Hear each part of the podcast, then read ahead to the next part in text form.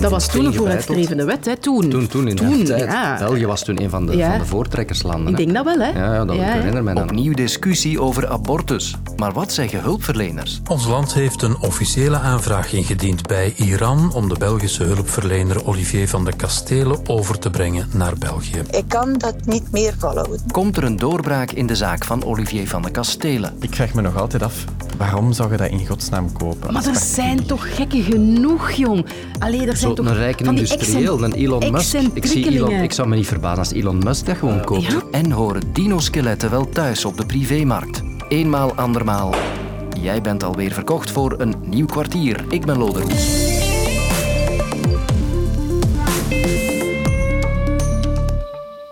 Goedemorgen. In de Kamer kwamen experts vandaag een aanpassing van de abortuswet in ons land bepleiten. Nu kan dat tot maximum 12 weken zwangerschap en is er een verplichte bedenktijd. Zowat alle regeringspartijen willen de maximumtermijn verhogen en de wachttijd schrappen, behalve CD&V. En daarmee is de abortusdiscussie terug van weg geweest. En daarover was ik, eerlijk gezegd, toch wat verbaasd. Want waarom is dit plots weer een politiek dossier? Dat weet wetstraatcollega Johnny van Zevenhand. Daarvoor moeten we naar de regeringsvorming. Het was bekend dat linkse partijen, maar ook de, de Franstalige liberalen zegden de termijn moet verlengd worden. Twaalf weken is niet genoeg voor abortus. Maar CD&V-voorzitter Koens toen, die zei ik wil dat niet. Het heel moeilijk met abortus. Dat is dan maar naar een commissie wetenschappers gestuurd. En die zijn nu klaar met hun rapport. En die zeggen het moet opgetrokken worden naar 18 of zelfs naar 20 weken. En dan zien we weer ja, de, dezelfde tegenstelling, maar dan wel minder strikt. CD&V maakt wel een bocht, gaat van 12 naar 14 weken. Maar de andere regeringspartijen die blijven zweren bij 18 weken. En het gaat dus nog weken en weken duren in het parlement dat daarover gediscussieerd wordt, zonder resultaat. Abortus is en blijft een lastig politiek en maatschappelijk vraagstuk. En ik ben oud genoeg om het bewust meegemaakt te hebben hoe er in 1990 grondwettelijke spitsvondigheid nodig was om de huidige wetgeving erdoor te krijgen.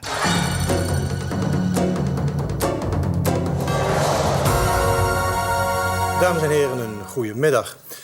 Woensdag 4 april 1990 zal in de Belgische vaderlandse geschiedenis worden ingeschreven als de dag dat de koning niet regeerde. Voor de Verenigde Kamers leest premier Martens de brief van de koning voor, waarin hij zijn gewetensbezwaren toelicht. U zult dan ook begrijpen waarom ik bij die wet niet betrokken wens te worden. En dan hebben we onder elkaar zitten discussiëren en al soort oplossingen gedacht tot uh, het voorstel op tafel gekomen is van gebruik te maken van het artikel over onbekwaamheid. En waar de koning dan dat spel heeft meegespeeld. Officieel verkeert Boudewijn gedurende anderhalve dag in de onmogelijkheid te regeren. Hij kan dus niet tekenen. Nu, 33 jaar later, stellen wetenschappers dus een grondige hervorming voor. Maar hoe kijken hulpverleners daarnaar? Ik ben Karine Franke en ik werk in het abortuscentrum van Hasselt. En ik ben deel van het directieteam van de Nederlandstalige abortuscentra Luna. Wat denken zij over de belangrijkste aanbevelingen van het rapport?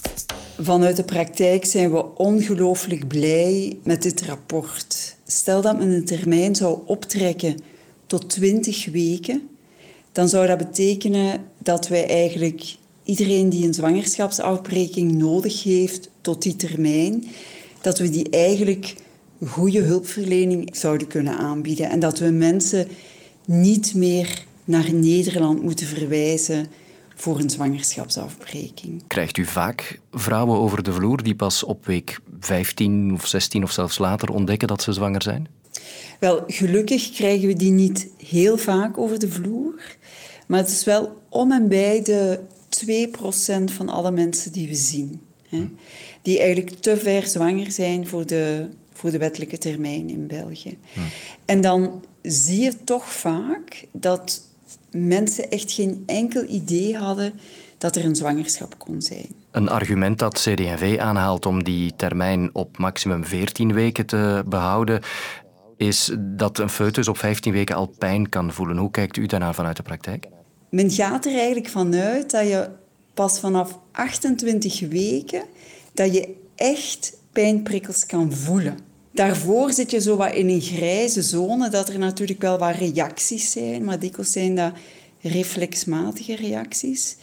Maar dus spreken over 15 weken en dat een foetus op 15 weken pijnprikkels kan voelen, denk ik dat dat, allez, dat is een argument wat geen steek houdt. Een andere aanbeveling in het rapport van de experts is om eh, die wachttijd uh, te verkorten hè, van zes dagen nu naar ja, niks, om dat, om dat af te schaffen gewoon. Wat vindt u daarvan? We weten natuurlijk, en dat is bij elke behandeling die iemand ondergaat, hè, er is in de feiten altijd een wachttijd. Hè. En mensen beginnen natuurlijk na te denken over een zwangerschap op een moment dat voor het eerst door hun kop schiet van zou ik zwanger kunnen zijn? En als dat niet de bedoeling is, dan begin je natuurlijk op dat moment aan een beslissingsproces. En dat beslissingsproces begint niet op het moment dat je voor een hulpverlener of voor een arts zit. Als die beslissing duidelijk is, is dat voor mensen vaak een heel moeilijke, een heel moeilijke week. Mensen zeggen ook dikwijls, dat was echt de, de, meest verschrikkelijke week van mijn leven. Zo het verplicht moeten wachten. Om dan tegen mensen te zeggen van... Ja, maar ja, jij moet daar toch nog eens sowieso een week nu minstens over nadenken. Want daar kunnen we toch echt niet in vertrouwen. Ik denk dat dat echt heel denigrerend is voor mensen. Er is vandaag nieuws over Olivier van de Kastelen. De Belgische oud-NGO-medewerker zit al meer dan een jaar in de cel in Iran. Enkele maanden geleden werd hij daar veroordeeld tot zware straffen. Volgens Iraanse media zou hij nu 40 jaar cel en 74 zweepslagen krijgen. Na een bedenkelijk proces over spionage. Pogingen om van de kastelen weg te halen uit Iran zijn tot nu toe niet gelukt. Mogelijk wil Iran hem als pasmunt gebruiken om hem te ruilen tegen een Iraanse terrorist die in ons land veroordeeld is. Maar vandaag heeft ons land voor het eerst een officiële aanvraag ingediend bij Iran om Olivier van de Kastelen over te brengen naar ons land. Hallo? En dit is zijn zus, Nathalie van de Kastelen. Ja, goedemorgen. VRT Nieuws kon vanochtend even met haar bellen om te vragen hoe het nu gaat met haar broer in Iran. Absoluut niet goed. Zijn gezondheid is uh, echt aan het verergen. Hij kan nu nog geen vijf minuutjes meer uh, recht staan, zodanig dat het uh, pijn doet en hij kan ook niet meer slapen. Van de Kastelen is ondertussen ook overgebracht naar de beruchte Evin-gevangenis in Teheran. En dat lijkt de situatie er niet beter op te maken. Hij heeft opnieuw geen matras meer, geen deken, hij heeft koud geen vers ondergoed. En hij zit daar nu al meer dan tien dagen. Hij weende al zeggen van, ik kan dat niet meer volhouden. Een verhaal dat dus maar blijft aanslepen en dat veel vragen oproept. Ik haal er onze Midden-Oosten-kenner Jens Fransen bij. Check, check in 2, check, check in 2. Kan jij mij al horen? Voor de antwoorden op drie prangende vragen. Is dit nu de doorbraak in de zaak van Olivier van de Kastelen? Het is een eerste zeer belangrijke stap, maar voor alle duidelijkheid, het is maar een eerste stap en er zullen nog veel moeten volgen. Hè? Ons land vraagt nu de overlevering van Van de Kastelen uit Iran naar ons land. Maar aan de andere kant heb je natuurlijk ook nog ja, Iran, die hier een Iraanse veroordeelde diplomaat slash terrorist terug wil. Dus die vraag zal nog moeten komen. Dus eigenlijk is er formeel nog niet sprake van een ruil op dit ogenblik. Bovendien heb je dan ook nog eens ergens ja, een stuk het probleem dat als er sprake zou zijn dat die bij ons veroordeelde Iraanse diplomaat slash terrorist zou worden overgeleverd, de benadeelde partij op dat moment, de Iraanse oppositie, tegen wie die mogelijke aanslag eh, gericht was, die kunnen nog in beroep gaan, in eerste aanleg. Dus die formele stappen ga je ook nog moeten doorlopen. Wat moet ik me voorstellen bij die Evin-gevangenis? Dat is een gevangeniscomplex eigenlijk in het noorden van Teheran. Ik ben daar een aantal keren langs gepasseerd. Je kan dat ook zien op de bergen boven de stad. Heel groot. Zitten maar liefst 15.000 gevangenen. Het is ook een heel beruchte gevangenis. Mensenrechtenorganisaties zeggen al jaren dat er sprake is van grootschalige marteling. Er worden mensen geëxecuteerd, er worden vrouwen verkracht ook. De Even-gevangenis is vooral gekend omdat er uh, zowel buitenlanders uh, gevangen worden gehouden, maar ook een groot deel van die politieke opposanten, activisten, um, uh, journalisten, die worden daar allemaal vastgehouden in Even. Even verwijst trouwens naar de naam van de wijk in het noorden van En daarom wordt het ook soms wel een beetje smalend de Universiteit van Evin genoemd.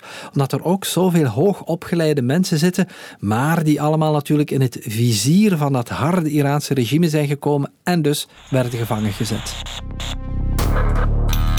Gaat dat feit van die beruchte gevangenis invloed hebben op het dossier van Van de Kastelen? Ik denk niet dat dat feit uh, uh, een grote invloed gaat hebben. Want maak je geen illusies, ook in de andere gevangenis in Iran is het leven absoluut geen pretje. De Evin-gevangenis is heel erg bekend omdat ze in Teheran ligt, maar ook in andere grote steden. Denk dan Isfahan, Mashhad, uh, Tabriz, heb je gevangenissen waar het absoluut niet fijn is om, om ondergebracht te worden. Maar reken dat het nog maanden kan duren voor die Olivier van de Kastelen terug in ons land zal zijn. Zeg, kunnen we misschien niet het muziekje van Jurassic Park gebruiken? Ja, ja die gisteren al... Uh... nee, dat gaan we dus niet laten horen. Maar nu weet je wel al hoe laat het is. Dino-tijd. Want vandaag wordt Trinity geveild in Zurich. En Trinity, dat is een dinosaurus-skelet van 67 miljoen jaar oud van een Tyrannosaurus rex. Of beter, van drie verschillende exemplaren. Eigenlijk gaat het hier dus om inderdaad een puzzel, waarvan een goede, de helft of zo, een goede 50% authentiek is. En van die 50% komt dus telkens een derde van een individueel uh, Tyrannosaurus. Je hoort Koen Stijn, paleontoloog aan de VUB en het Museum voor Natuurwetenschappen. De verkoper is Kirby Sieber. En Kirby Sieber is een, uh, een Zwitser. Ik ken hem persoonlijk, die eigenlijk uit een, uit een familie van geologen, paleontologen, liefhebbers komt. Zijn, zijn ouders hadden een uh, mineralenwinkel waar hij nu tegenover de baan een, een privémuseum heeft. En dat is echt een fantastisch museum in het Aatal, nabij Zurich. En dat staat propvol met authentieke dinosaurusskeletten en andere uitgestorven beesten. En nu, ik denk dat hij gewoon op pensioen wil gaan en dat dat de reden is waarom hij dit uh, Tyrannosaurus-skelet op de markt brengt. Om uh, te kunnen rentenieren, want de man is toch al 80 jaar oud, denk ik. Zo'n zware levensstijl als paleontoloog, dat blijf je niet eeuwig volhouden natuurlijk. Rentenieren dus. Want met die fossielen is geld gemoeid. Veel geld. Zelfs tanden. Als ik nu kijk op de markt, hoeveel mensen daar durven voor vragen, dat is eigenlijk ongehoord. Dus uh, dat je gemakkelijk 10.000 euro kwijt bent voor een tand van 10 centimeter. Maar ja, het is natuurlijk een beetje vraag en aanbod. En die iconische status van Tyrannosaurus rex, die dat, dat uh, omhoog jaagt. Mede ook de, de, de verkoop van het skelet van Stan, in 2020 is uh, het skelet van Stan verkocht. Dat is ook een Tyrannosaurus rex. En Stan is verkocht voor, een, een, al laat ons afronden, op 30 miljoen euro. En het Veilinghuis wil dat bod voor Trinity natuurlijk evenaren. Bieden op fossielen. Het blijkt zowaar een trend. En daar kan je je wel wat vragen bij stellen. Als die inderdaad in handen van, uh, van een privépersoon komt, die hem voor zichzelf wil houden en die hem ergens in een uh, privézaal gaat opstellen, zijn we die natuurlijk kwijt. Maar als hij dan toch in een museum komt, des te beter. Um, als er Belgen zouden zijn die zich daarvoor interesseren, stel ik mij meteen kandidaat om een uh, weefselstaal te komen nemen voor mijn onderzoek. Maar in het geval ja, van T-Rex zou het niet zoveel kwaad kunnen, moest hij toch in privéhanden verdwijnen en niet in een museum terechtkomen. Omdat ik denk dat we al heel veel over Tyrannosaurus rex weten. Uiteraard is elk fossiel uniek en kan elk fossiel op zich wel belangrijke informatie bijbrengen aan de wetenschap. Maar in dit geval gaat dat niet zo'n grote ramp zijn. In het geval van, van skeletten die we daarvoor nog niet kenden en van, een, van soorten die onbekend zijn, dat is natuurlijk een andere kwestie. En zo worden fossielen een soort belegging.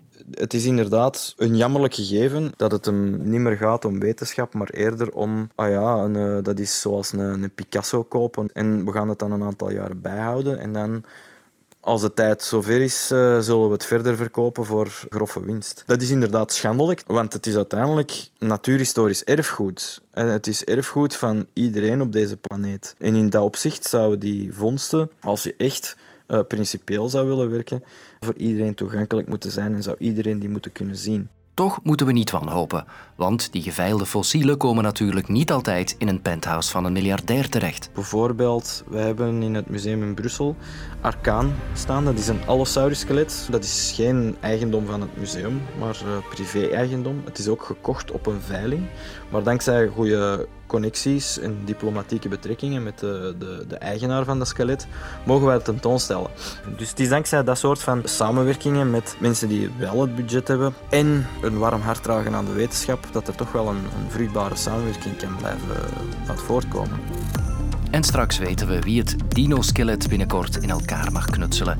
Ik zal het alvast niet zijn. Morgen is het aan Sophie. Zoek je een actuele podcast over sport? Check dan zeker de tribune. Nu in de app van VRT Max.